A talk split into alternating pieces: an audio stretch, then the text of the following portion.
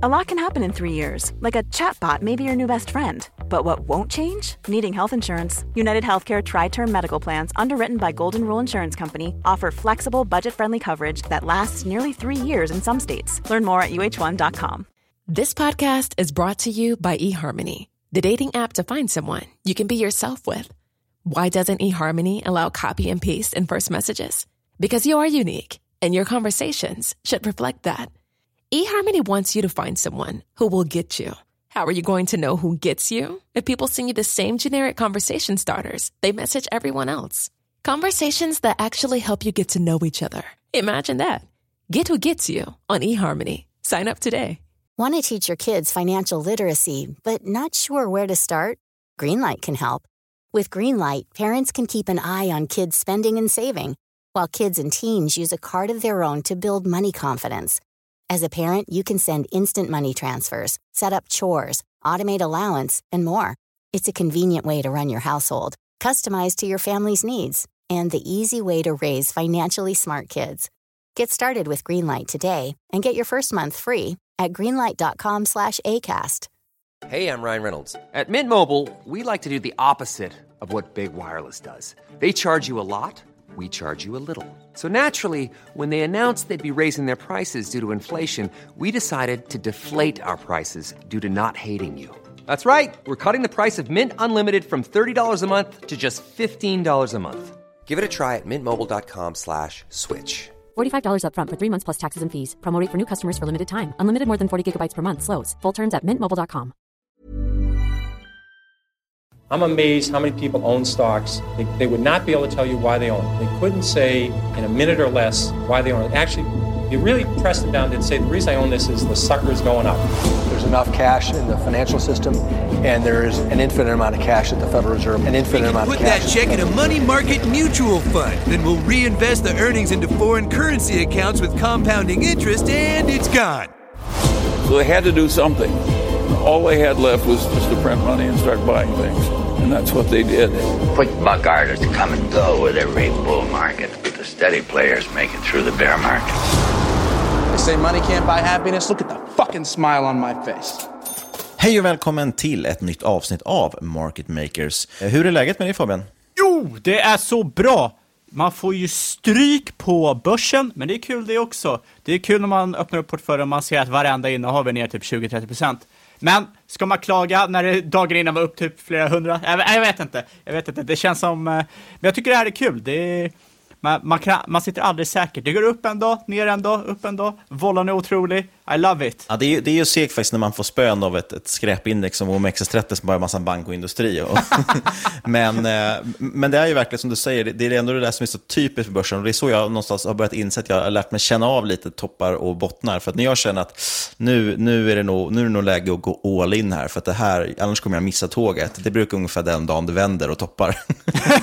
Sen nästa dag, liksom Fastly ner 20% eller någonting. Nej, men det är ändå spännande tider och nu skriks det mycket om sektorrotation på börsen. Jag, jag vet inte riktigt om jag, hur mycket jag tillskriver den. Jag, jag tror att det, det ser inte jättekul ut för de gamla traditionella bolagen, så att säga. Inte på några månaders sikt i alla fall. Eh, men däremot är det ju jag, tech som liksom leder vägen och jag tror bara snarare att det här är små, korta rekyler som man, som man får ta helt enkelt. Nej, jag brukar inte bry mig så mycket om det. det alltså det, det finns ju helt klart anledning varför man ska, speciellt om man investerar mer makromässigt, att man ska köra på sektorroteringar. Men liksom om du ska göra det bara för enskilda bolag så ser jag inte alls hur du ska kunna hålla din, din conviction i Nej, det går ju inte. Det går ju framförallt inte att hänga med och analysera massa bolag om du ska hålla på och rotera sektorer också med Nej. dina bolag. Det är som du säger, då ska man handla ETFer eller någonting, eh, vilket tyvärr har blivit svårt i Sverige. Eh, men, nej, men det man får göra annars, annars får man nyttja dippar om, om man nu har räknat och tycker att bolagen är billiga. Eh, jag köpte faktiskt lite guld. Det är ju tisdag 11 augusti kan vi tillägga för inspelningen, där inspelningen görs. Jag såg att guld var ner till 4 eller någonting, så då har jag faktiskt eh, shoppat lite idag. Och, eh, suttit och räknat mycket överlag i sommar på många av de bolag man äger och eh, försöka titta på, eh, prognostisera lite framåt, liksom, vad, vad är de faktiskt värda? Det är inte det som spelar roll. Och då ser man ju att vissa bolag som man kanske har eh, dragits med i någon story är inte så himla trevliga som det, som det kan verka. Men vi ska inte prata om det idag, vi har ju faktiskt med oss en gäst. Jag tror att det kommer bli ett långt avsnitt ändå, så vi ska försöka hålla oss lite kortare. Vem är det som är podden? Jo, det är ju mannen, myten, legenden, det är hjärnan bakom allas våra favorit börsdata. Det är ju George Bull. Han är även känd som 40% 20 år på Twitter och han är ju en erkänd bloggare en gång i tiden. Precis. Eh, han kommer berätta lite om eh, vad som händer på Börsdata. Framförallt kommer vi försöka gräva och inspireras av hans otroliga kunskap om nyckeltal. Han har ändå byggt den här otroliga tjänsten tillsammans med kollegor. Vi ska inte liksom, eh, lägga någon skugga över dem. Och så. Men, men han har ändå byggt upp den här otroliga tjänsten och är verkligen en mästare på nyckeltal och har troligtvis läst flest kvartalsrapporter i världen, vill jag påstå. Eller åtminstone gått igenom flest. Dem. Men innan vi går in på det så ska vi tillägga att det inte är någon rådgivning eller rekommendation som vi sysslar med i podden. Varken vi eller George är i någon form av rådgivare, så gör alltid din egen analys och eh, ja, ta allt med en nypa salt och gör din egen läxa helt enkelt. Ja, och en liten till disclaimer kan vi bara dra innan vi kör igång intervjun, så att det är, alla är på klara med det. Att det här är ju inte på något sätt ett sponsrat inlägg om ni tror det, utan vi har bjudit in George självmant. Däremot vill vi nämna det att vi har sedan tidigare, långt innan det här har vi fått eh, medlemskap av George i Börsdata, som vi i och för sig gladeligen har betalat för ändå. Men jag tycker ändå vi kan lägga det till, eh, så slipper folk eh, spekulera i huruvida det är ett betalt inlägg inte. Vi tycker helt enkelt bara att George är en fantastiskt bra gäst och en outtömlig källa till kunskap när det gäller just nyckeltal och finansiell data. Ryan Reynolds here from Mint Mobile. With the price of just about everything going up during inflation, we thought we'd bring our prices down. So to help us, we brought in a reverse auctioneer, which is apparently a thing. Mint Mobile unlimited premium wireless. Ready to get 30, 30, bit to get 30, bit to get 20, 20, 20, bit to get 20, 20, bit to get 15, 15, 15, 15 just 15 bucks a month. So, Give it a try at mintmobile.com/switch. slash $45 up front for 3 months plus taxes and fees. Promo rate for new customers for limited time. Unlimited more than 40 gigabytes per month slows. Full terms at mintmobile.com. When you're ready to pop the question, the last thing you want to do is second guess the ring. At Bluenile.com, you can design a one of a kind ring with the ease and convenience of shopping online. Choose your diamond and setting. When you find the one, you'll get it delivered right to your door. Go to Bluenile.com and use promo code LISTEN to get $50 off your purchase of $500 or more. That's code LISTEN at Bluenile.com for $50 off your purchase. Bluenile.com code LISTEN. There's never been a faster or easier way to start your weight loss journey than with PlushCare. PlushCare accepts most insurance plans and gives you online access to board-certified physicians who can prescribe FDA-approved weight loss medications like Wigovi and Zepbound for those who qualify. Take charge of your health and speak with a board-certified physician about a weight loss plan that's right for you. Get started today at plushcare.com slash weight loss. That's plushcare.com slash weight loss. plushcare.com slash weight loss. Wow. Nice. Yeah. What you're hearing are the sounds of people everywhere putting on Bombas socks, underwear, and t-shirts made from absurdly soft materials that feel like plush clouds. Yeah, that plush. And the best part? For every item you purchase, Bombas donates another to someone facing homelessness. Bombas. Big comfort for everyone. Go to bombas.com slash ACAST and use code ACAST for 20% off your first purchase. That's bombas.com slash ACAST. Code ACAST. Ready to start talking to your kids about financial literacy? Meet Greenlight, the debit card and money app that teaches kids and teens how to earn, save, spend wisely, and invest with your guardrails in place. Parents can send instant money transfers, automate allowance, and more. Plus, keep an eye on spending with real time notifications. Join more than 6 million parents and kids building healthy financial habits together on Greenlight. Get your first month free at greenlight.com slash ACAST. That's greenlight.com slash ACAST. Ja, mina vänner. Vi lottar ut två stycken exemplar av boken Börspsykologi, skriven av bloggaren Kristoffer Andersson, also known as Sofokles som gästar oss i avsnitt 120. Ja, men precis. Jag vet inte hur officiellt det här än är, så att eh, eventuellt så bränner jag mina broar här nu, men eh, det ryktas ju om att det kan komma en uppföljare på den här boken, nämligen eh, inom kort, eller om det är någon ny bok, det vet jag inte, men till investerarbok i alla fall av Sofokles. Eh, och i samband med det så, så, så du vet, vore det kul att kanske lotta ut några ex. Det här är faktiskt en riktigt bra bok, den är väldigt bra, den är nyttig. Den har faktiskt fått väldigt fina vitsord från inga mindre än till exempel Mats Kviberg. Per och Börjesson och dessutom dagens gäst George Pool. Så att det här är faktiskt en chans att, att, få den här boken helt gratis. Och eh, vad ska man göra för att eh, ha chansen att vinna en sån här bok då? För att vinna en av de här böckerna måste man göra följande. Nummer ett, gå in på twitter.com slash marketmakerspod.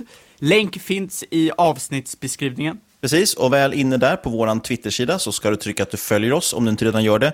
Och det är helt enkelt för att vi ska kunna skicka ett DM till dig sen om du har vunnit. Och sen ska ni retweeta tävlingsinlägget och Det borde vara första eller andra inlägget när du kommer in. Och i din retweet skriver du ner den bästa slogan du kan hitta på för market makers. Mm. Och det här ska ju vara en slogan som summerar vad market makers är för någonting för dig. Eh, varför lyssnar du på podden? Eller något annat som får folk att vilja lyssna. Kanske till och med hittar vi då en så pass bra slogan att vi kan använda den här sloganen framåt också. Så gå in då på Market Makers podd på Twitter, följ oss, retweeta det här inlägget med din bästa slogan, så kan ni vinna ett ex av Börspsykologi.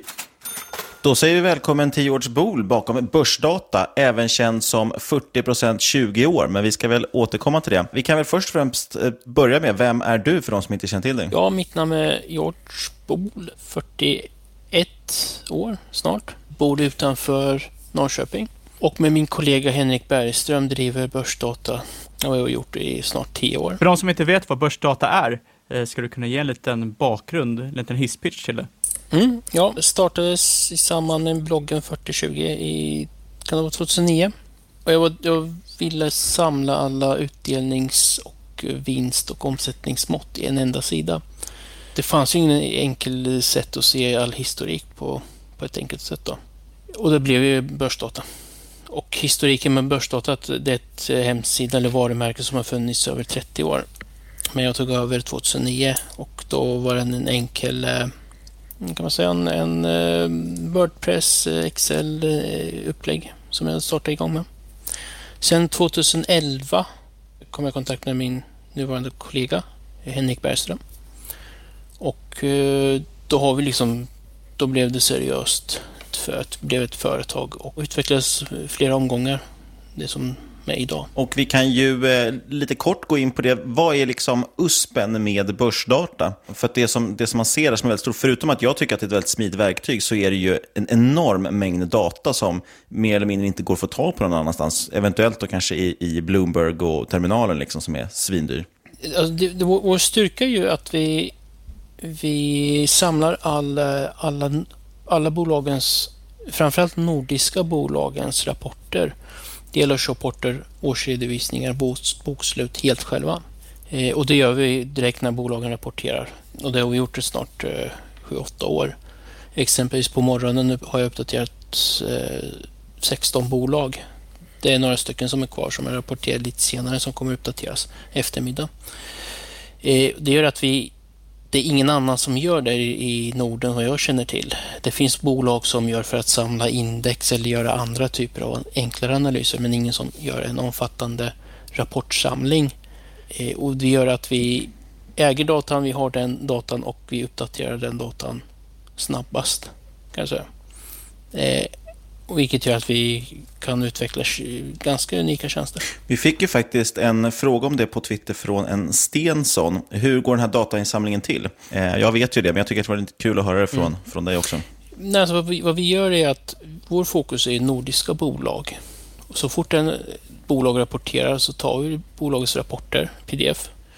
Och eh, det är en del en blandning av manuellt och eh, automatiska. Alltså, vi för över eller konverterar datan till, till eh, vår egen format. Eh, och där krävs ju väl godkännande om bolagets rapporter för att man ska kunna göra det väldigt snabbt. Man måste känna till bolagets rapportformat, vilka värden man ska föra över och det är framförallt resultaträkning, balansräkning och kassaflöde.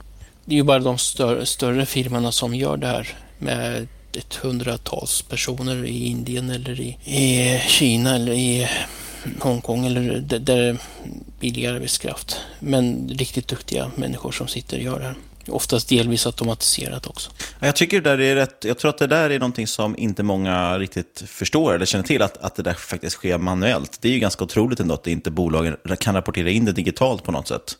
Att vi har ingen standard idag i, Norden, i, inte heller i Europa. Men förmodligen det kommer komma, det har redan kommit något som heter standardformat, XBRL.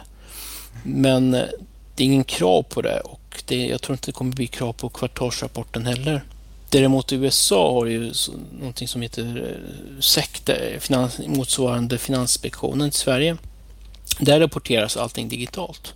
Därför finns ju, man ser att det är lättare, det är fler som har tillgång till bra fundamental data för amerikanska börsen i jämförelse med nordiska eller europeiska börser är, är oftast eh, det är bara de riktigt stora dataleverantörerna som levererar och det är oftast väldigt dyrt. Vad skulle du säga, när du har gjort, eh, gjort alla de här rapporterna genom åren, vad har varit de, vad är de största utmaningarna med det egentligen? Det, det största utmaningen är ju att kunna göra ännu bättre. Alltså det är oftast är stora önskemål från våra användare att de gärna vill ha detaljerade poster. Man vill gärna se exakt hur bolagen har rapporterat alla poster. Utan vad vi gör är att vi standardiserar ganska mycket. Eh, och man vill gärna se posterna anpassade efter bolag. Det kanske inte det står omsättning för en hyresfastighet, eh, fastighetsbolag, utan det står hyresintäkter. Förvaltningsresultat. Eh, och det där kan, har vi planer att göra, men det, det krävs ju att man, man har ett rejält omfattande datainhämtning. I princip man hämtar all data. Vi har liksom planer om, om framtida planer att kunna förbättra uppdateringen. Eh, och då, då är det mer man, man, att, man automatiserar mycket mer också. Det, det är den stora utmaningen framåt. Vad, vad ska då hända till med plattformar om någonting händer dig? Bryter armen eller bryter handen eller något sånt? Ja, alltså det, det, betyder att bolagen kommer inte... Ja, armen har jag brutit en gång men ändå har jag uppdaterat med vänster... höger, högerarm har jag uppdaterat rapporten en hel peri rapportperiod faktiskt med en gips, ena handen gipsad.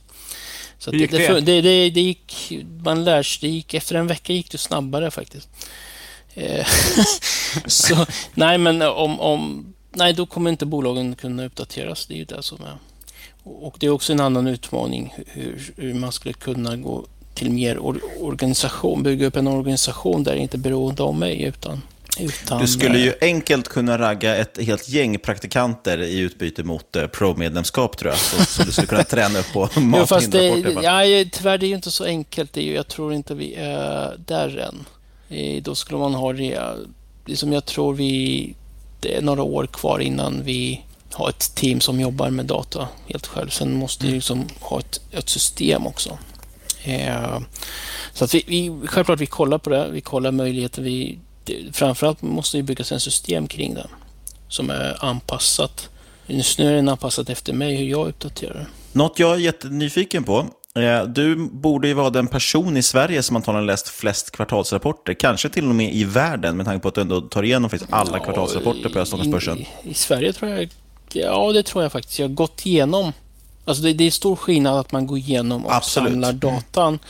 Men det är en annan skillnad att man läser igenom på ett kvalitativt sätt. Du, du har öppnat flest kvartalsrapporter i världen, ja, tror jag. och gått igenom, gått igenom siffrorna. Eh, så att eh, om du skulle säga vilket format, vilket typ av data som förekommer, så skulle du kunna säga hur ofta det förekommer inom olika branscher.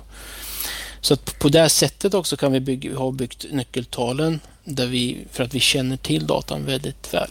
Mm. Skillnad på andra andra tjänster eller hemsidor där oftast de, de jobbar inte med datan, de köper in datan. Det jag skulle komma till var just, vad är liksom de största lärdomarna, eller vad har varit mest intressant tycker du, genom, när du har gått igenom ändå så otroligt mycket rapporter? Vad är de största lärdomarna från det? Så här, jag skulle kunna rekommendera att man, man läser mer, öppnar mer rapporter, man läser mer rapporter för att efter ett tag så märker man rapportformat.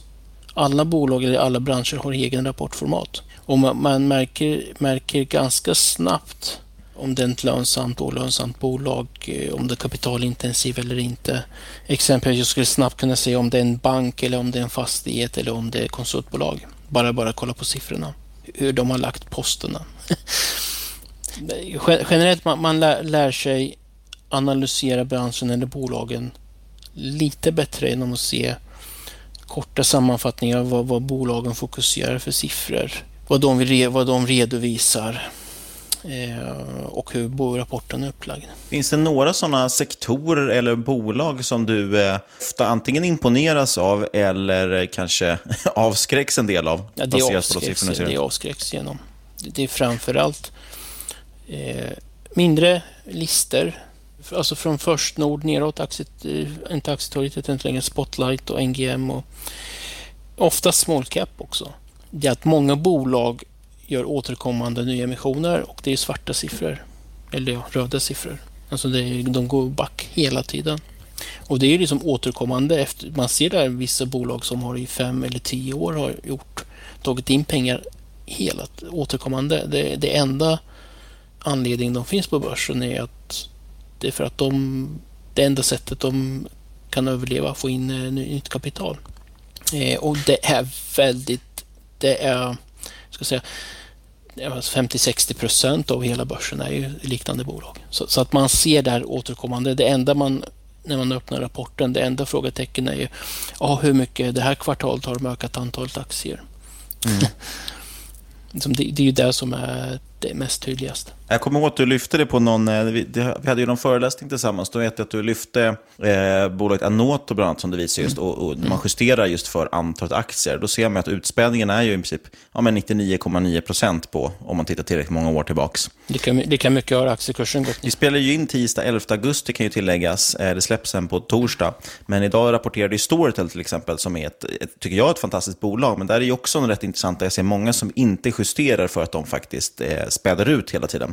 Och nu menar jag inte att de på något sätt är i närheten av Anoto i form av utspädning, men det är ändå en effekt som man ska ta hänsyn till, som jag tycker ganska få tittar på. Ska, när man kollar på vinst och omsättning i miljoner, eh, kolla gärna på också per aktie. Mm. Och kolla gärna också på historiken, utveckling av antalet aktier, hur, hur det har skett. Nibe är ju ett jättebra exempel där antalet aktier har ökat när de har tagit in pengar, men, men de har ju som gjort eh, ganska bra förvärv också. Så att, det finns få bra exempel, men oftast är ju, är ju dåliga bolag eh, som har ingen omsättning. Eller de har ingen lönsamhet. Och när, när det kommer riktigt dåliga perioder nu, så det är dessa bolag som framförallt kommer att rasa mest. För att det finns ingen underliggande värde där, där det inte finns någon lönsamhet eller kassaflöde. Jag tänkte vi ska diskutera ganska mycket nyckeltal så jag tycker att vi ska verkligen ta vara på din otroliga kunskap där. Men jag tänkte först bara så att vi har avhandlat det lite kring nyheter och så i tjänsten. Det är ju otroligt flöde med nya funktioner som lanseras hela tiden på börsdata. Eh, trots att det ändå är så få som ligger bakom det så förstår jag inte riktigt hur ni hänger med. Jag såg att tradingnörden bland på Twitter frågade just det kring vad är en roadmap för tjänsten, men det tror jag inte finns någon. Men ni har till exempel släppt otroligt många fler länder med massvis med data. Ni har släppt ett API och nu dessutom integrerat det både Excel och eh, visst kommer Google Sheets också nu? Ja, vi jobbar nu som test. Eh, det är i princip klart, det är bara att det är en del buggar som ska fixas. Mm. Eh, sen har ni dessutom lanserat den här Börsdata som egentligen är en hel liksom, bearbetning eller ombearbetning av grundplattformen. Kan du berätta lite om den och några nya funktioner? Eh, ja, är, tanken med den var att var trött att utveckla den gamla sidan för att den var ineffektiv, långsam Eh, så vi var, vi var tvungna ut, för att kunna vidareutveckla börsdata så var vi tvungna att ta fram en helt ny plattform. Skillnaden är, är mot den gamla sidan, det här är så kallade single page application, det vill säga att den upplevs som en desktop-program. Och du behöver inte scrolla, du behöver inte uppdatera den utan all, alla funktioner finns en enda, en enkel sida.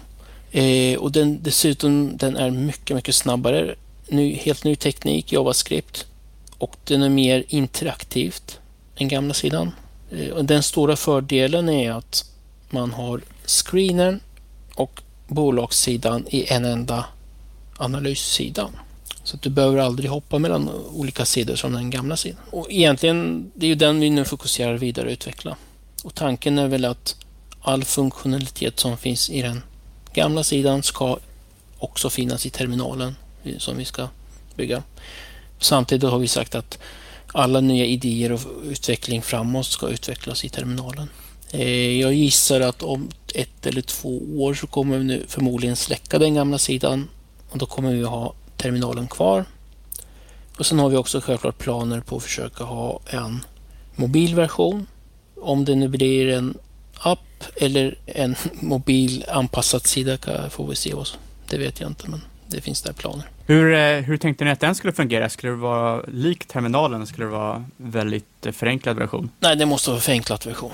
Eh, tanken att terminalen ska fun fungera i mobilen eh, om man är bra med fingertoppskänsla där i paddan också. Men den, den är inte optimal så vår tanke är att det ska vara en för, väldigt förenklad version, en app där man ska kunna göra de mer enkla grejerna kunna öppna sin egen filter eller sin bevakningslista och snabbt kunna kanske analysera några bolag och nyckeltal. Jag måste bara säga att det har hänt extremt mycket också i terminalen. Jag, som jag sa till dig förra veckan, att jag är lite, har varit lite dålig på att komma in i terminalen för att man, man kan liksom det gamla. Mm. Men det finns enormt mycket funktioner. Delvis har ni gått från 10 år till 20 år på all data. Nu har ni äntligen fått in den här informationsrutan som man faktiskt kan läsa om varje bolag också, vad de gör. Direkt i screenern till exempel, vilket är något jag saknat enormt mycket.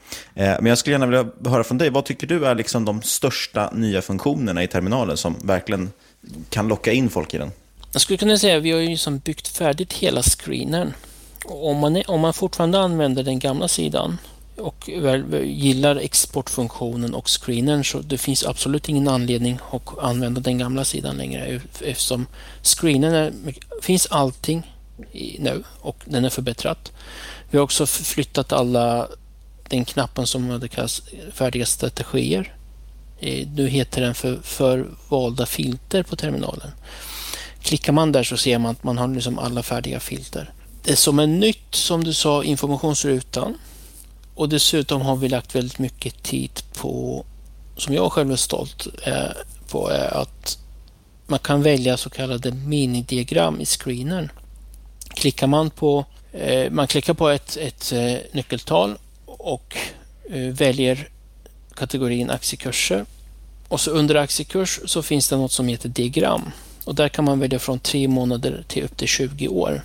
Och så klickar man på det så får man, kan man välja candlestick. Så får man en liten, liten diagram i screenen då, för varje bolag. Och den kan man göra stor, liten hur man vill. Då. Hela, tanken, hela idén är att du ska kunna scrolla tusentals små diagram. Det vill säga att visuellt kunna analysera bolagen på ett snabbt sätt. Och, och, då har vi lagt olika typer av diagram. Eh, sen har vi också lagt en vinst eller omsättningshistorik upp till 20 år eller 10 års kvartal i direkt i screenen. Och det enda du kan ju ta en fem olika typer av små diagram och så kan du bara scrolla igenom. Och så fördelen med det är att du skulle kunna scrolla igenom små listor eller nya marknader som USA för att hitta spännande bolag visuellt väldigt snabbt.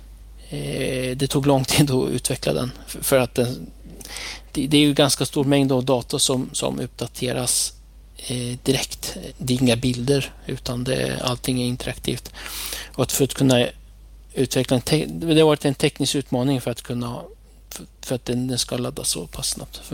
Jag tror det, det är de delarna som är nytt. Just screenen också har ju fått ganska stora förbättringar, tänker jag. Även att det, man kan faktiskt ha fler nyckeltal nu också. Det vet jag mm. själv att jag ofta körde in i, hade problem med förut att man, man använde upp alla nyckeltal som fanns. Eh, nu kan man ha flera och framförallt kan man ju även dela eh, screeners som man gör nu också, eller filter så att säga. Och jag tänkte jag skulle gå in på det, vi har faktiskt gjort det, jag, både jag och Fabian har tagit fram varsin liten screen som vi tänkte gå igenom och eh, vi har även länkat till i avsnittsbeskrivningen. Ja. Så kan ni gå in själva och eh, titta på hur det ser ut och eh, se om ni hittar något spännande bolag på det. Men innan vi hoppar in på det, jag tänkte bara att vi kanske kan prata om det här med förvalda filter eller förvalda strategier som det hette förut. Berätta gärna vad om det är och om du har några favoriter där som man ska kolla in. Öppnar man terminalen så har du högst upp finns ju precis under toppmenyerna alltså, så finns det ett, eh, en stjärna, ikon som heter förvalda filter. Klickar man på det så får man ja, kan det vara 20-tals kategorier och högst upp är Magic Formula. Och mina, mina, dessa, de, tanken med dessa är ju att du får en helt färdig eh, filter Eh, med, med, högsta och lägsta filtret och nyckeltal. Så att du, och kombination av de, de nyckeltal vi tycker är bäst för just den kategorin av strategi. Eh, mina favoriter där är ju om, om man nu gillar Magic Formula då, då, tycker jag att man skulle kunna ha Magic Formula plus kvalitet 5 år. Eh, sen har jag egen favorit som heter F-score. Där skulle jag rekommendera både kvalitet 5 år och så sista där kvalitet 5 år plus trend. Det vill säga man hittar fundamentalt starka bolag som befinner sig i ganska mm, uppgående trend, positivt momentum, men som sista perioden har gått ner. Vi kan bara snabbt eh, nämna den då, det som du säger, när du säger plus kvalitet fem år till exempel. Men jag har alltså tagit Magic Formula som är den här från eh, Eh, the Little Book That Beats the Market som vi har nämnt flera gånger i podden. En, en färdig kvantitativ strategi. Sen har ju du gjort vissa justeringar eller förbättringar. Då. Adderat till exempel någon form av kvalitetsfilter och även någon form av trendfilter. Om ska säga. Får jättegärna gå igenom, vad, vad bygger det där kvalitetsfiltret på? Vad, vad har du lagt in där? Det är olika nyckeltal. Det är, främst det bygger den på andra strategier. Det vill säga vad, vad vi har gjort är att vi har eh, sorterat bort alla dåliga bolag Eh, baserat på tillväxt, baserat på styrka av omsättning och eh, lönsamhet eh, och kassaflöde. Det brukar oftast vara det som är lätt att sortera bort alla dåliga bolag. Efter det, när man har liksom sorterat bort alla riktigt dåliga bolag, efter det så rangordnas efter högsta Magic Formula rank. Då. Det är ju femårskvalitet. kvalitet. sen, sen finns ju också ytterligare trend och då kan man ytterligare sortera bort bolag som har negativt trend eller positivt moment. Man vill ta fram bolag med positivt momentum. Så att det finns lite olika typer av förbättringar där. Men vad sa du, F-score är din favorit mm. bland kvantitativa strategier? Anledningen, anledningen till min favorit är för att man har nio, olika, nio poäng istället för två nyckeltal som Magic-formula. Det vill säga det krävs mer för att hamna högre upp i listan än Magic Formula. Eh, oavsett om du har Magic Formula kvalitet 5 år eller F-score med 5 års kvalitet eller trend så tycker jag jag tycker, jag tycker man ska hellre använda de förbättringarna som vi har gjort när man framförallt går in i mindre lister eller helt nya marknader för att öka eh, kvaliteten. Och, och framförallt är det väldigt intressant snabbt filter för att hitta spännande bolag i, i mindre listor framförallt. För som jag har sagt, det är många av små listorna är ju riktigt, riktigt olönsamma. Vad, vad, tycker du ett misstag folk gör när de skapar sina egna screeners? Eh, största misstaget kanske man har för mycket filter på lägsta högsta så att man, man filtrerar bort allt för många bra bolag. Eh, exempelvis jag vet att vissa nyckeltal är ju farligt att, ta fram och filtrera på. Det kan vara kassaflödesnyckeltal. För att bra bolag tillfälligt kan ha riktigt dåliga kassaflödes för att de har gjort kraftiga investeringar. ta bara senaste covid-perioden. Allt för många bra bolag har valt att inte dela ut något nu. Och Det är förmodligen att man liksom avvaktar.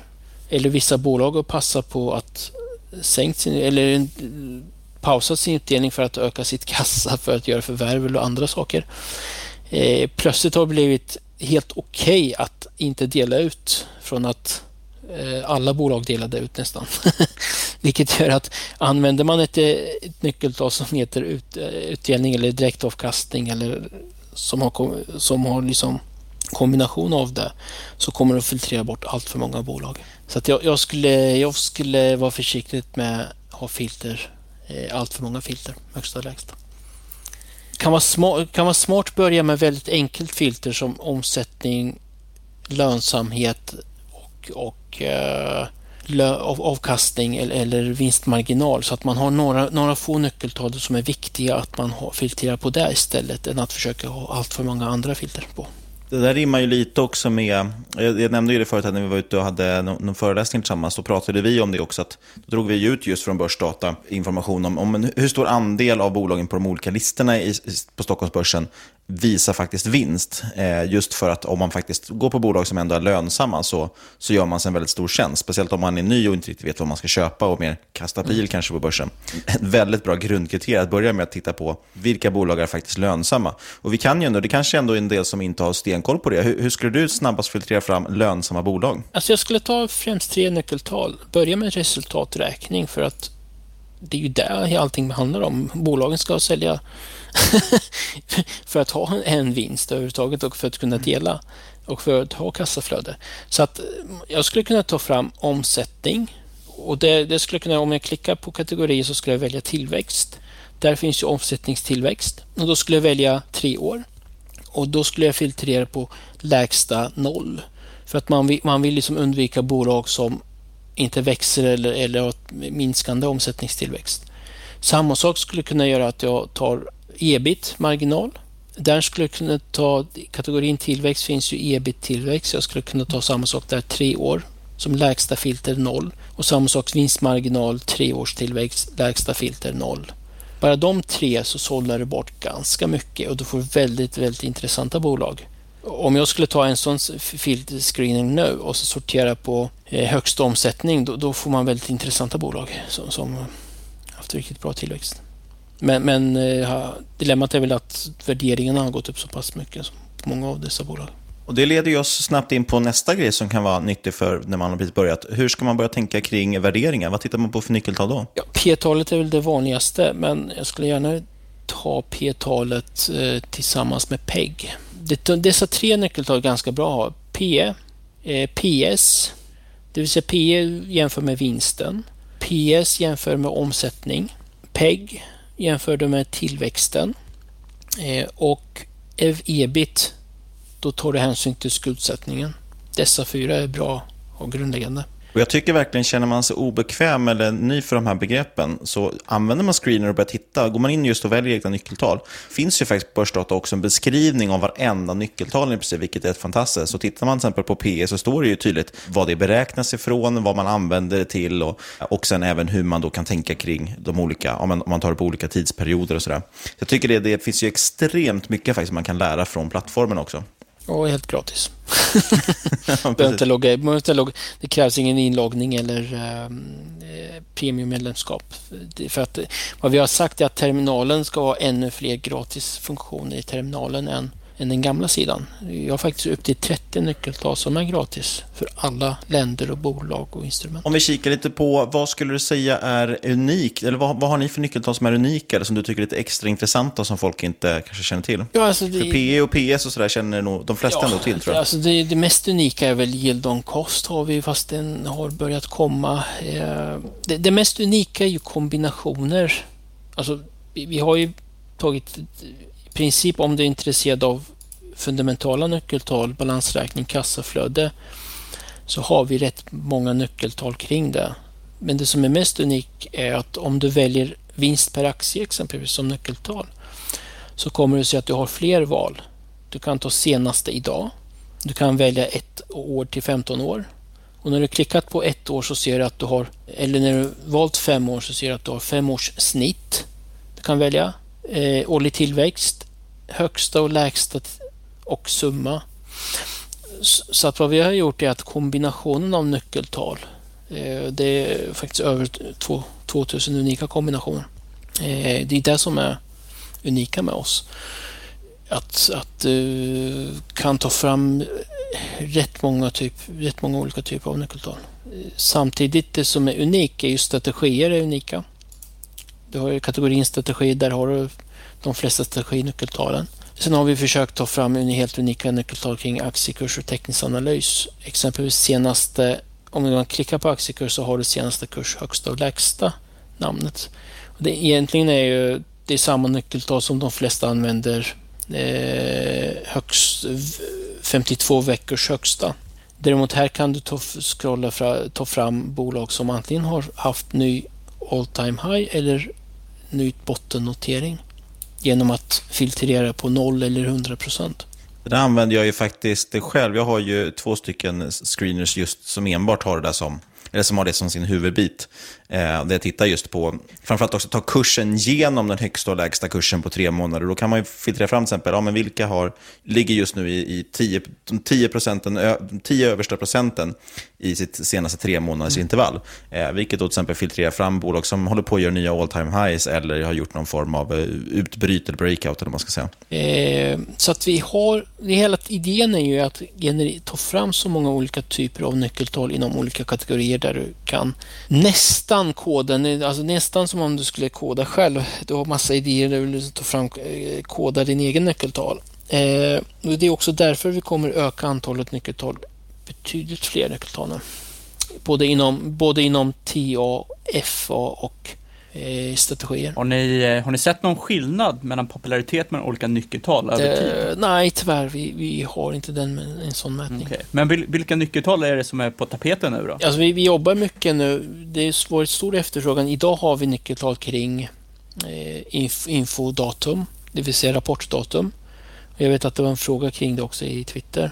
Precis, det var någon, nu kommer jag inte ihåg namnet tyvärr, för det skrev jag inte ner, men det var en som frågade om när det ska komma för internationella bolag, för idag har jag ni ju på nordiska bolag. Ja, det, det, var den, det var den eh, rapport, alltså nästa, nästa rapport framåt så har jag, vet inte där, det kommer komma, det är lite svårt den.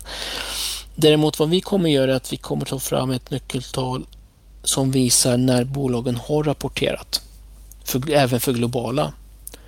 På det, på det sättet skulle man kunna eh, direkt i screenen se vilk, vilka globala bolag har, har, rapporterat och kan man analysera det. Tyvärr så det kan hända att man, man har en, en glapp på två, tre dagar eller tills vi får uppdatering från leverantören. De uppdateras inte, de är inte lika snabba som vi är. så eh, så det, det kommer. Eh, samtidigt jag har haft en fråga, kan man lita på rapportdatumet?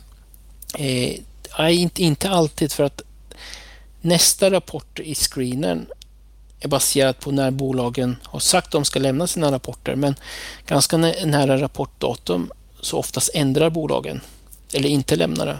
Eh, samtidigt, vi har en annan rapportdatum som heter senaste rapportdatum. Det, det rapportdatumet är inte när bolagen lämnar utan när vi uppdaterar.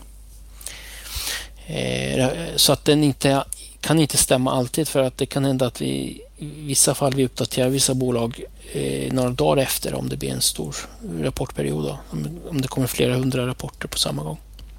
Eh, så vad vi har sagt är att vi, ska nu, vi samlar nu all rapporthistorik för alla bolag, alla nordiska bolag.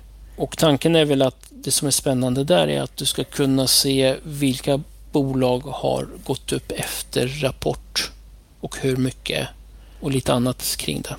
Eh, och det är en stor efterfrågan på det. Jag brukar använda den här till exempel, man kan ju klicka in på, på nästa rapport och sen välja antal dagar till rapport. Mm. Eh, det har jag också en färdig screener på där jag just valt, ja men filtrera ut alla som har 0 till 7 dagar till exempel. Då får man ju alla som rapporterar idag och en vecka framåt. En lista helt enkelt med alla bolag som, som kommer rapportera snart. Den tycker jag också är kul för att kolla på, få en överblick över vad som ska rapportera in. Då har man en egen liten rapportkalender. 90-95% av fallen stämmer väldigt bra. Tyvärr är när bolagen ändrar sina rapport eh, rapportdatum kan man märka att vissa bolag har, har flyttat sin rapportdatum. Och det är väldigt svårt att eh, justera det. Eh, andra spännande, det är mycket teknisk analys, nyckeltal kommer vi fokusera på. MACD, Stochastic, HEO, alla de här. eh, sen fler kring fundamental analys som vi har funderat länge på. Samtidigt kommer vi försöka ha färgad rank nyckeltal inom alla möjliga kategorier. Vad skulle det kunna vara för någonting? Nu, du vill hitta de topp 10 eller 20 bästa bolagen som är mest aktiva på börsen. Och då, då ska inte du behöva bygga egna eh, nyckeltal kring det utan du har en enda rank. Ja, den ranken kan vara allt från 0 till 100. Och då, då har du liksom bolag som ligger 99 eller 100 eller 90 så vet du att de, de är väldigt aktiva nu. Allt ifrån det, eller det kan vara momentum som har gått upp kraftigt. Det kan vara vinsttillväxt. Eh, där vi, där vi istället för en enda parameter så kanske har, vi, har, vi bakar in fem, sex, sju olika parametrar i en enda stor poäng. Och hela tanken är att du kanske har 30, 20-30 olika kategorier. Omsättning, eh, vinst, det kan vara lönsamhet, det kan vara marginaler, det kan vara skuldsättning, det kan vara utveckling, och längre fram kan vara helt andra saker som insider, ägarutveckling och så vidare. Så att man, man har eh, ett mer standardiserat, förenklat eh, poängsättning. Dilemmat med screenen är att enskilda nyckeltal är ju mer volatila så att det här är ju mer, mer poängstyrt.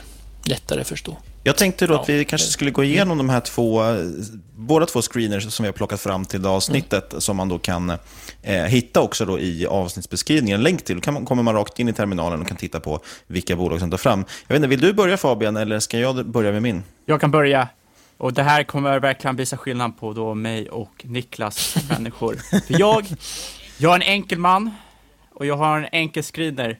Jag tänker, bolag gå upp, bra aktie upp bra. Så därför har jag endast två parametrar i min screener och det är omsättningstillväxt och momentum. Och hur har du då definierat momentum? Ja, men det är medelvärde. MA 200 dagar. Och att det ska ligga över det, eller? Exakt. Då är man en uppgående trend. Och så har du omsättningstillväxt. Vissa människor tycker att 15% är bra för SAS-bolag, men jag säger nej. Det ska vara över 40%, helst 50% eller mer.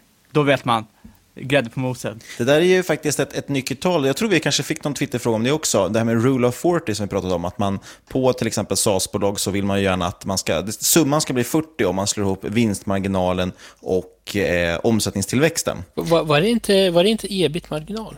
Ebit-marginal kan det vara faktiskt, det, det kan stämma. Man kan använda lite olika, oftast brukar man ju bara köra på det som är eh, högst. Eh, FCF-marginal kan man använda också. Eh, ett sånt nyckeltal hade varit snyggt. För, för det var det jag lite pratade om, att vi skulle ta fram en, en SAS-screener. Vi har pratat om mycket bolag nu i våra som, har, som oftast inte gör vinst, så de ser ibland kanske inte så kul ut alltid på nyckeltal, men som kan ha intressanta liksom, eh, aspekter ändå. Och då är det just, tänker jag, just omsättningstillväxt är intressant att titta på. Man vill ha en, en stark omsättningstillväxt, över 40% om inte man har bra vinstmarginal, då, eller FCF-marginal, vad man tittar på. Men man kan också just titta på kanske stora bruttomarginaler. Det var ju något vi pratade mycket om i våras, att många av de här SaaS-bolagen har ofta kanske 70, 80 eller till och med 90 % bruttomarginal. Eh, vilket tyder på att det ändå är en väldigt lönsam produkt, men man, inte har, man har inte skiftat om det till vinst helt enkelt. Eh, jag, jag, kan säga när, när du nämnde R40 så har vi, vi har redan fått fyra önskemål redan. så att vi, vi så att den kommer som en nyckeltal på börsdata hoppas jag under året. Ja, för jag kan tänka mig att den har varit rätt populär, speciellt nu när alla de här SaaS-bolagen har gått, eh, gått så starkt. Sen frågan om ni, om ni har idéer där man skulle istället för eh, ebita-marginal, om man skulle ta vinstmarginal istället. Men Ja, man kanske, eftersom alla nyckeltalen finns så skulle man nästan kunna bara klicka i FCF-marginal, ebit-marginal eller vinstmarginal, beroende på vad man vill välja för något. Det kommer bli mycket lägre poäng då, men tuffare krav med vinstmarginal. Ja, så är det absolut, men eh, vissa kanske mer vill eh, övertala sig själva att köpa någonting än få sanningen. Ingen bullshit earnings. Mm. Uh, den, den screenen jag har tagit fram är lite mer avancerad och den bygger faktiskt, jag kallar den för Cavasto-screenen. Den bygger på det här ah, ordspråket med fundamentalt starka bolag i uppåttrend som en känd twittrare pratat mycket om. Eh, jag, tycker, jag har faktiskt hittat väldigt mycket bra bolag via den här och den är lite framtagen efter den här eh, kursen som han höll som jag faktiskt fick gå på. Eh, och efter vad jag liksom tolkar som var i kontentan av hans strategi egentligen. Den har ju då som första parameter, den är lite mer avancerad med lite fler parametrar, men den första parametern är att man tittar på P talet och det ska vara över vara över noll. Här skulle man egentligen kunna sätta då att vinst per aktie ska vara över noll. Men jag har valt att titta på, bara sätta in P talet för den brukar vara förinställd att den ligger i screenen. För är P över noll så måste det ju då finnas en vinst. Annars, det går inte på något annat sätt. Om inte aktiepriset är negativt. Det har jag inte sett än. Sen sätter man PEG-talet, som vi pratade om, det är ju PE genom vinsttillväxten. Det vill säga att man justerar PE-talet för att, om man har hög tillväxt. Så att P 100 kan ju då enligt det här vara okej. Okay. Eh, om man också har 100% vinsttillväxt till exempel. Då blir ju PEG 1. Peter Lynch pratar om att det ska gärna vara vad är det, 1,5 eller under. Jag har då satt eh, gränserna till lägst 0 och högst 2. Då kommer man få bolag som växer sin vinst, eh, men de, gör inte, de är inte allt för dyra sett till den här vinsten. Sen har jag gått in på ROIC, eh, snittet på ett år, alltså return on invested capital, alltså avkastning på investerat kapital, att den ska ligga över 10% Jag kan tänka mig att du har lite synpunkter på, på de här avkastningsnyckeltalen, George. Har du några favoriter eller tankar där? Nej, men jag skulle, skulle som sa totala, totala tillgångar. ROA, mm. skulle jag, det är min favorit faktiskt. Det är för att man, eh, det är enkelt, ta hänsyn till allt. Det finns ju liksom, jag, jag vet att det finns minst fem eller tio stycken där ute som man justerar alla möjliga olika varianter. Men, men jag tycker man ställer, när man tar ROA, totala tillgångar, så ställer man ganska hög krav på bolaget. Där, då tar man hänsyn till totala tillgångar, totala skulder, hela hej och Och eh, när man har liksom 5% som filter eller 10% då ser man att man får ganska bra bolag. Dock, man ska nog filtrera bort vissa typer av bolag som eh, inom finans då, för att de, de hamnar väldigt högt. Eh, fastigheter blir, passar inte, investmentbolag passar inte heller. Så jag brukar, göra, jag brukar klicka på branschfiltret och väljer allt utom hela finansiella branschen när man har vissa typer av dessa nyckeltal. Eh, och just det här med avkastningsnyckeltal, det är ju verkligen det är en rätt stor diskussion. Och tyvärr, som du lite som du är inne på, man måste också justera lite efter branscher och bolag. Jag körde mycket med ROE förut, alltså avkastning på eget kapital, för att jag hade läst någonstans att det var bra. Sen såg jag att Buffett gillade ROIC och då gick jag över till ROIC. Svårare än så inte mina, mina val. Eh, men den ligger i alla fall över 10 procent. Oavsett vilket tal man väljer, så det det egentligen handlar om är att visa någon form av lönsamhet. Vad får de för avkastning på sitt kapital? För det är ju egentligen det man själv som investerare vill ha sen också, avkastning på de pengar man stoppar in i bolaget. Eh, sen har jag faktiskt sagt direktavkastning, att den ska vara över 1%. Och där vet jag att eh, som, som den här baseringen står på, tror jag inte alltid har det som krav. Men han pratade om att han ville ha någon form av utdelning. Och då har jag satt den på 1% bara för att indikera någonting. Den skulle lika gärna kunna vara på 0,1 eller något. Det är bara för att visa att bolaget delar ut. Det visar på att det är ett ganska lönsamt bolag.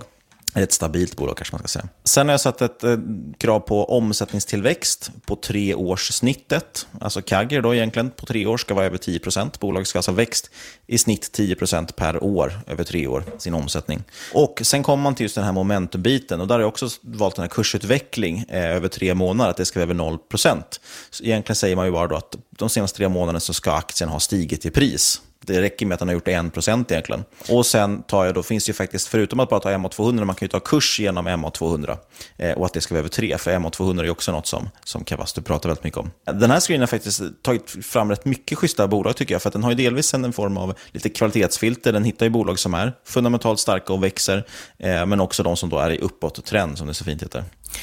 Eh, en kommentar kring det, det är ju, det är ju jättebra fil, eh, screenerfilter det, dilemmat är väl att när du har en procent på direktavkastningen så kommer du tyvärr sortera bort många, förmodligen bra bolag också på grund av covid. Då. Det är det enda ja, som jag kan påpeka. Direkt. Det är faktiskt sant och det, och det är en stor skillnad från bara för ett år sedan någonting, eller två år sedan eller vad jag tog fram den. Mm. Eh, jag märkte att jag testade bara för skojs skull och justerade till exempel också. Sänker man direktavkastningskravet till 0,01% istället så får man ju plötsligt tre gånger så mycket bolag. Då helt plötsligt dyker Evolution upp, Paradox och, och flera andra spännande, mm. Fortnox och sådär. Eh, Medan i mina krav så är det egentligen det är bara värderingarna dilemmat med värderingarna har gått upp också. ja, men precis. De har, ju, de har ju utdelning, men, men väldigt liten utdelning i förhållande till kursen. Ibland, ibland kan det vara smart också att använda motsatt momentum. Eh, vi har faktiskt det förvalda filter där vi kallar för utdelning och momentum. Vad jag har valt är att istället leta efter bolag som har hög utdelning, men det blir fel. Nu har utdelningen gått. Men istället leta efter bolag som har haft bra fundamenta eller har bra fundamenta men har gått ner kraftigt liksom den, den, den strategin har funkat jättebra för mm. när vi inte har haft kraftiga uppgångar för att man har hittat intressanta lågvärderade bolag. Just. Eh, Byggmax exempelvis som hamnat, hade hamnat där länge. Betsson hade hamnat där länge. Net Entertainment har hamnat där länge.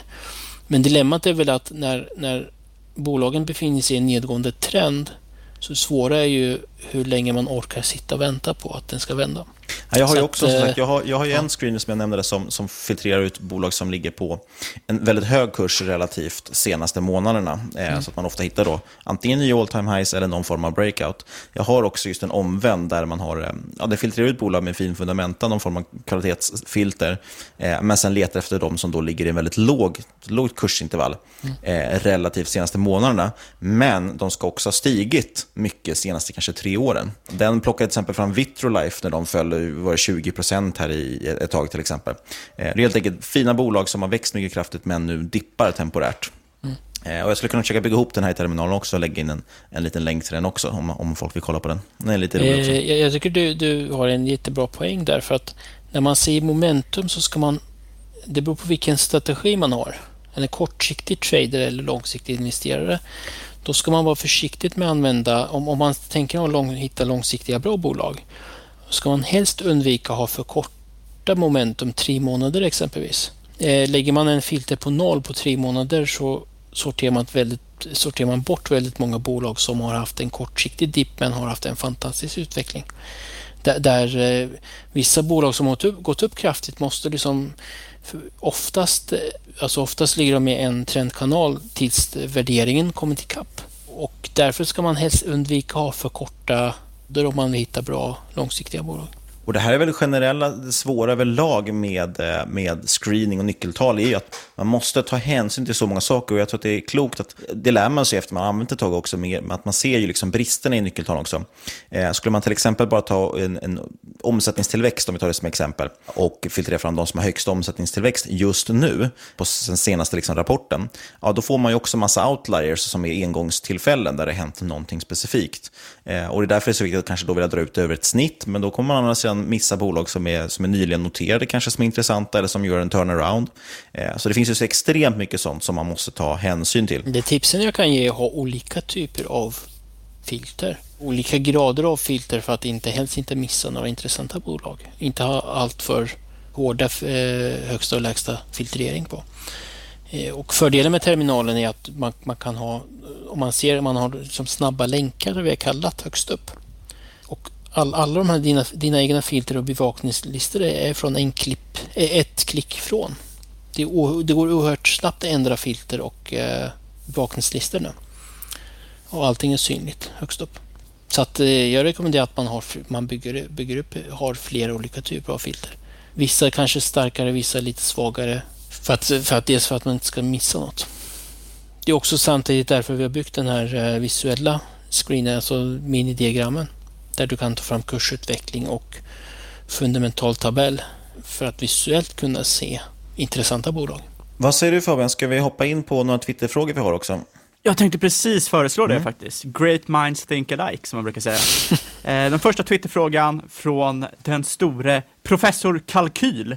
Och hans fråga lyder, hur investerar du själv? Eh, alltså jag kan säga, innan jag börjar prata om mig själv så måste jag säga att börsdata har tagit enormt mycket tid och tar enormt mycket tid.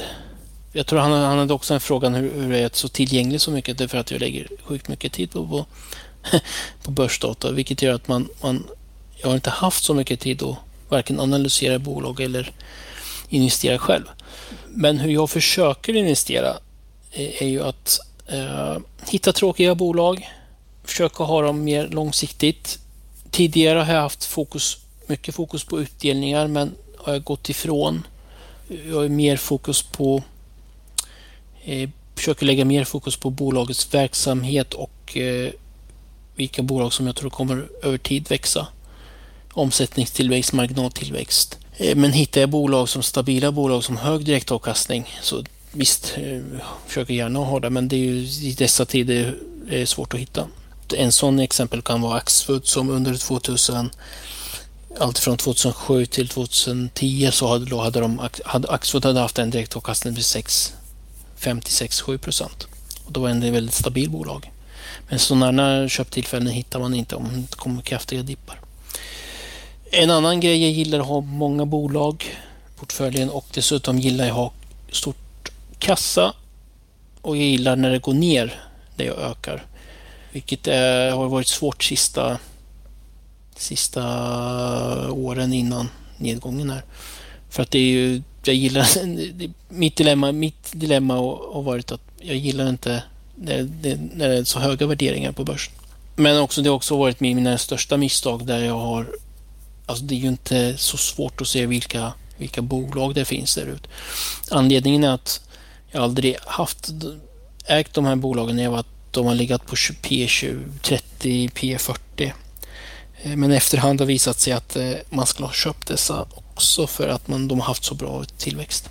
Eh, professor Kalkyl undrar också om du har någon favoritbok inom investeringar? Ja, det är de gamla böckerna som jag har läst för länge sedan. Det är ju One Up Wall Street Peter Lynch. Det är favoritboken. Jag, all, jag vet att det finns mycket bra böcker idag, men jag har aldrig haft tid att läsa. Och inte den tiden att läsa. Men det är ju så att det är fortfarande min favorit. Peter Lynch. Och eh, apropå bolag som du hittar, eh, så undrar Miles Hunt, varför köpte kvalitetsaktiepodden aldrig Gullberg och Jansson trots att du låg på? det får du fråga dem. Jag vet inte. Eh, ja, men han ville ju att vi skulle fråga dig. Nej, jag vet inte. Alltså det är så här, Gullberg Jansson är ju riktigt fint bolag. Eh, intressanta ägare och de har bra kostnadskontroll. Dilemmat är väl att man kanske tror att om det kommer en lågkonjunktur så är ju att ha poolverksamhet eller bolag som inom pool så kanske kan ha väldigt tufft. Men det visar sig att de har fått en motsatsen, ett väldigt bra eh, tillväxt nu eh, på grund av corona, covid. Samma sak med Nibe.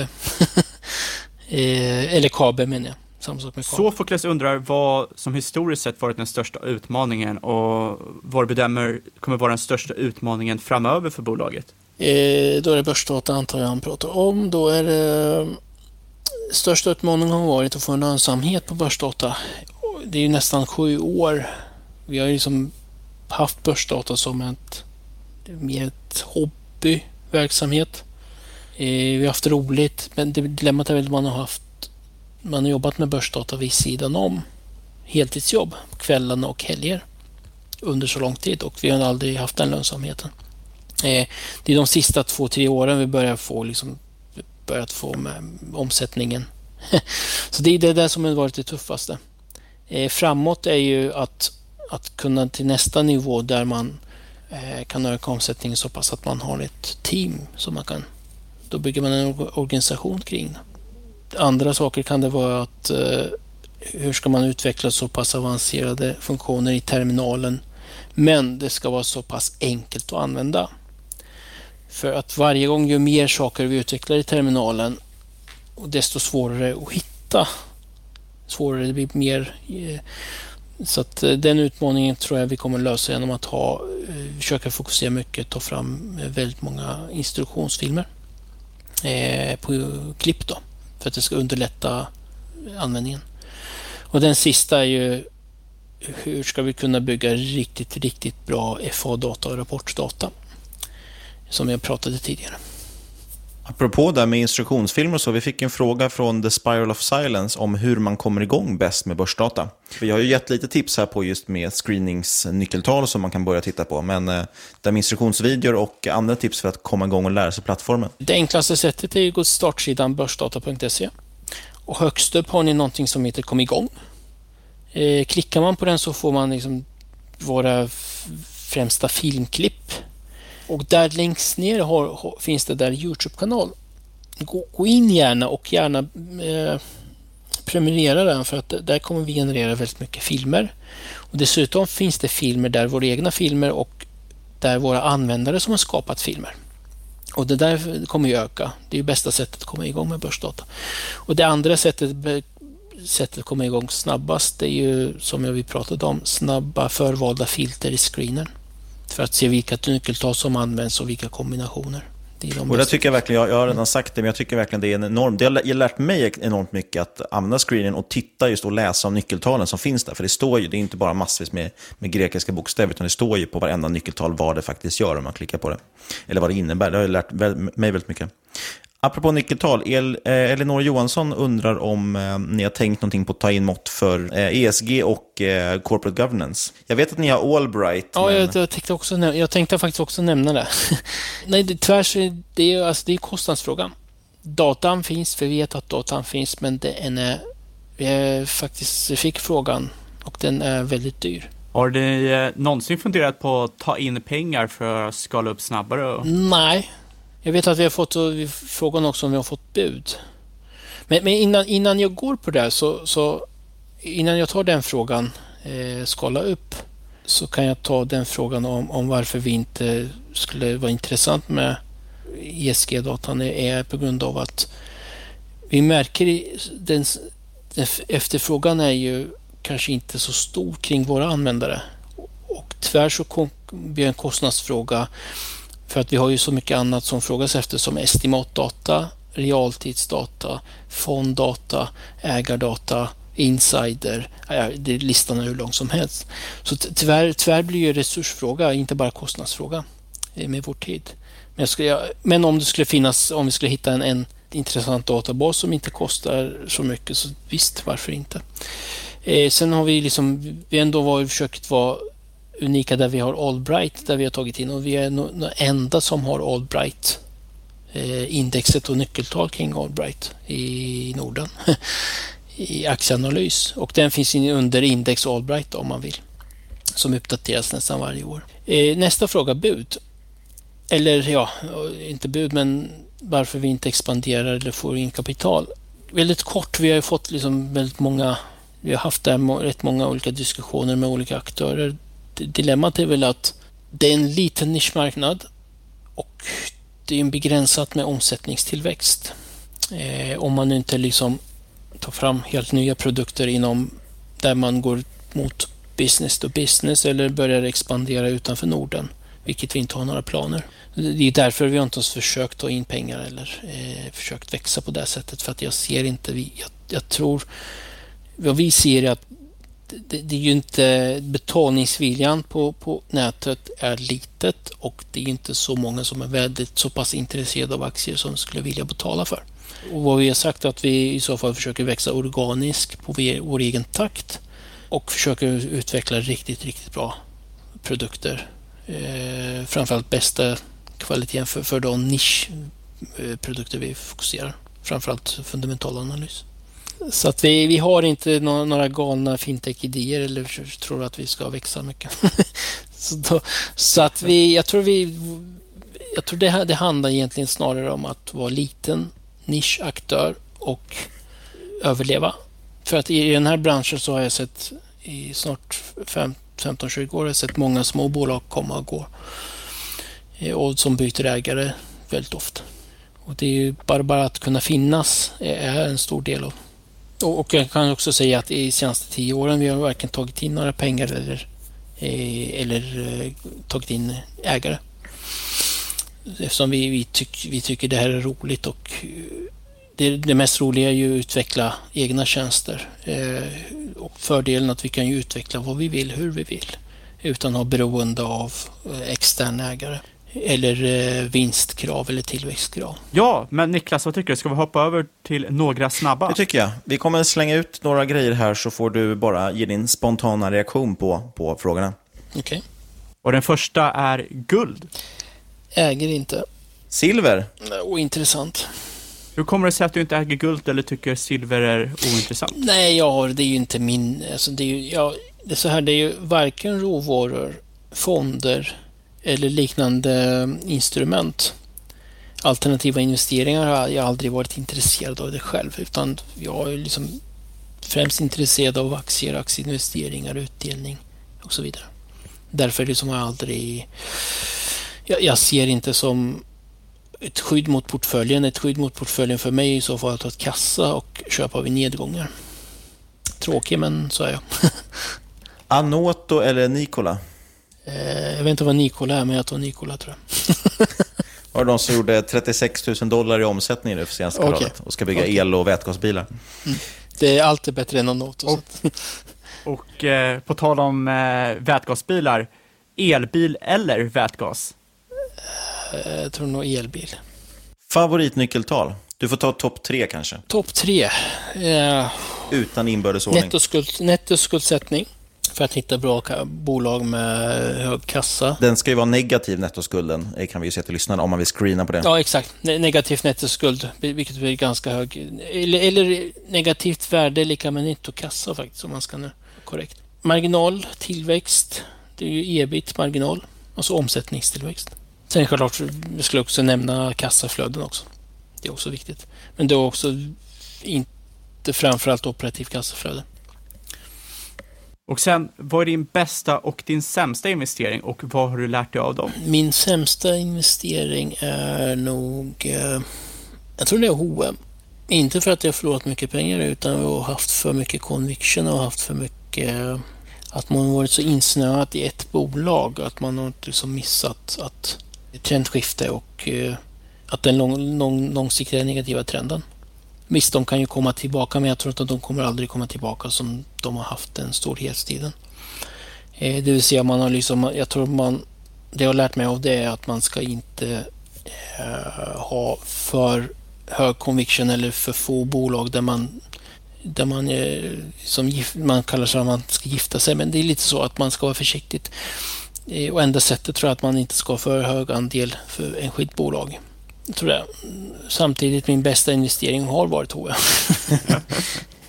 För att jag har haft ändå följt med hela kraftiga uppgången från eh, ned, nedgången eh, från 2009 och uppåt. Och när man Ja, det finns ju massa andra små bolag som har haft betydligt bättre procentuellt tillväxt, men, men jag har haft väldigt hög andel av H&M på den, på den tiden. Men det tycker jag är intressant. Jag tror att du är den första som svarar att bästa och sämsta investeringen är samma bolag. Ja, jag tror man har lärt sig mycket. Med, man har gjort en bra vinst, men samtidigt har liksom, man har ju man har ju lärt sig av... Alltså alternativa investeringar hade nog varit mycket bättre för att man visste ju Phoenix Outdoor var spännande, mycket mer spännande bolag än H&M som växte mycket mer. Eller eh, Kopparbergs eller Nibe. Till och med Lund, Lundbergs har haft mycket bättre utveckling. så, så, att eh, hade man liksom gått ifrån att vara, jag ska vara fokuserat investerad utan man har mer att vågat ha diversifierat eller vågat ha fler bolag i portföljen så jag tror jag att gått betydligt bättre. Men, men, risken finns ju att när man ser diversifiering så köper man risken finns ju att man köper mycket skräp som man inte känner till. Så att när jag säger diversifiering så menar jag att man ska ändå ha väldigt hög krav och bra bolag. Men man ska inte sätta någon begränsning på antal och försöka ha, äga dem så länge som bolaget går. En annan misstag är att man, man som jag sa tidigare, att man har kollat på värderingen allt för ofta. Eh, vilket man har sålt bra bolag som har haft fantastisk utveckling. Däremot man har fokuserat och köpt eh, bolag som har varit lågvärderade, som inte haft lika bra utveckling eller gått dåligt. Och tyvärr så gör man ju det misstaget fortfarande. Men det är ju svårt i dessa dagens värderingar när, när bra bolag kostar P 50, 60, 70 eller upp till 100. Det är svårt. Liksom, det är ju, är man gam, gammal eh, värdeinvesterare så är det svårt att betala så höga värderingar. Det många som missar är ju att den stora avkastningen de senaste 20 åren, stor andel av avkastningen kommer från marginal, alltså från eh, värderingsexpansion, alltså att, att värderingen har gått upp från i snitt, kan det vara 15, 20 till eh, 30, 40, 50. Det är därför vi har haft så bra avkastning på aktierna. Och det blir ju en, en, en, ganska naturlig reaktion på att räntorna går ner så att säga. Eh, eftersom mm. avkastningskrav på aktier minskar. Men just det, jag tycker det är jätteviktigt där också, du nämner just med att man skalar gärna i bra bolag bara för att eh, värderingen gått upp. Eh, och det tycker jag verkligen, det så ska man äga någonting långsiktigt. Det viktiga är ju vad man har köpt det då på för nivå. Sen kommer det ju fluktuera över tid. Jag tror att bland annat Magnus Andersson pratar mycket om det när han har varit gästat podden och så att det kommer finnas perioder när dina bolag är superövervärderade och när de är undervärderade. Och är de undervärderade så är det bara att köpa mer. Eh, men man ska akta sig för att sälja dem när de är övervärderade, för det kan vara så att de aldrig kommer bli billiga igen. Det är bara att titta på Fortnox till exempel. Ja, aldrig vet man ju inte. Alltså, det jag lärt mig alltså det är också att har man för hög andel för enskilda bolag så har, man alltid risk att verksamhetsförändringar ratas exempelvis. NCC, Kungsleden, så att det, det, finns så många exempel där till och med när det såg som bäst så har gått andra hållet snabbt. Sist men absolut inte minst, det här är väl en ganska enkel fråga, men det är hur man följer dig och du kanske snarare då vill dessutom att man går in på börsdata antar jag? Men jag är mest aktivast i Twitter. 40-20 eller Precis, ät 40% 20 ar, alltså år utan prickar. Och eh, du svarar ju nästan när som helst om man taggar dig, har vi erfarenhet. Sen har vi, vi är inte lika aktiva, men vi finns ju Facebook också inom börsdata. Och något Instagramkonto. Men det finns inte på TikTok än? Nej, Instagram var nytt faktiskt när vi var ändå testade. Så att, nej, jag tror inte det. det jag, jag tror, det, det, räcker, det räcker med Instagram. Jag tror att det funkar på TikTok. Lägga ut små korta instruktionsvideos med, med lite dansmusik i bakgrunden. Och så, så här text, hur du blir rik snabbt. Och mycket man, ska, man ska aldrig säga nej, för, för att det, jag, jag skämtade om Instagram, men det, man vet inte hur utvecklingen går framåt. Man anpassar sig bara. Kom ihåg vad ni hörde det först. Börsdata på TikTok inom 2021. Och med det säger vi stort tack för att du gästade oss. Ja, tack själv för att jag fick vara med.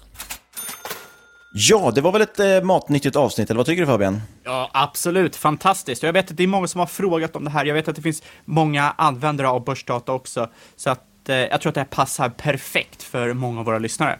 Ja, vi använder ju börsdata själva. Det är ju en, en eh, vad ska man säga, alltså det är en helt eh, oumbärlig tjänst. Jag använder den nästan, ja, faktiskt dagligen är jag nog inne på och kikar på grejer där. Eh, jag screenar, jag tittar på bolag, så det är en otroligt bra källa och den bara växer och växer och blir bättre och bättre. Dessutom, har man någon minsta fråga så kan man tagga eh, George på Twitter och få svar så otroligt fort. Det är imponerande. Eh, men Innan vi går vidare så ska vi nämna att inget hört den här podcasten ska ses som rådgivning. Alla åsikter, våra egna eller vår gäst och eventuella sponsorer tar förstås inget ansvar för det som sägs i podden. Tänk på att alla investeringar är förknippade med risk och sker under eget ansvar. Men ni får jättegärna kontakta oss på podcast@marketmakers.se eller på Twitter at marketmakerspod. Lämna jättegärna en recension också på iTunes. Eh, det gör väldigt, väldigt stor skillnad för oss faktiskt. Och sist men absolut inte minst så vill vi tacka dig för att du har lyssnat, kära lyssnare. Och vi hörs igen om en vecka.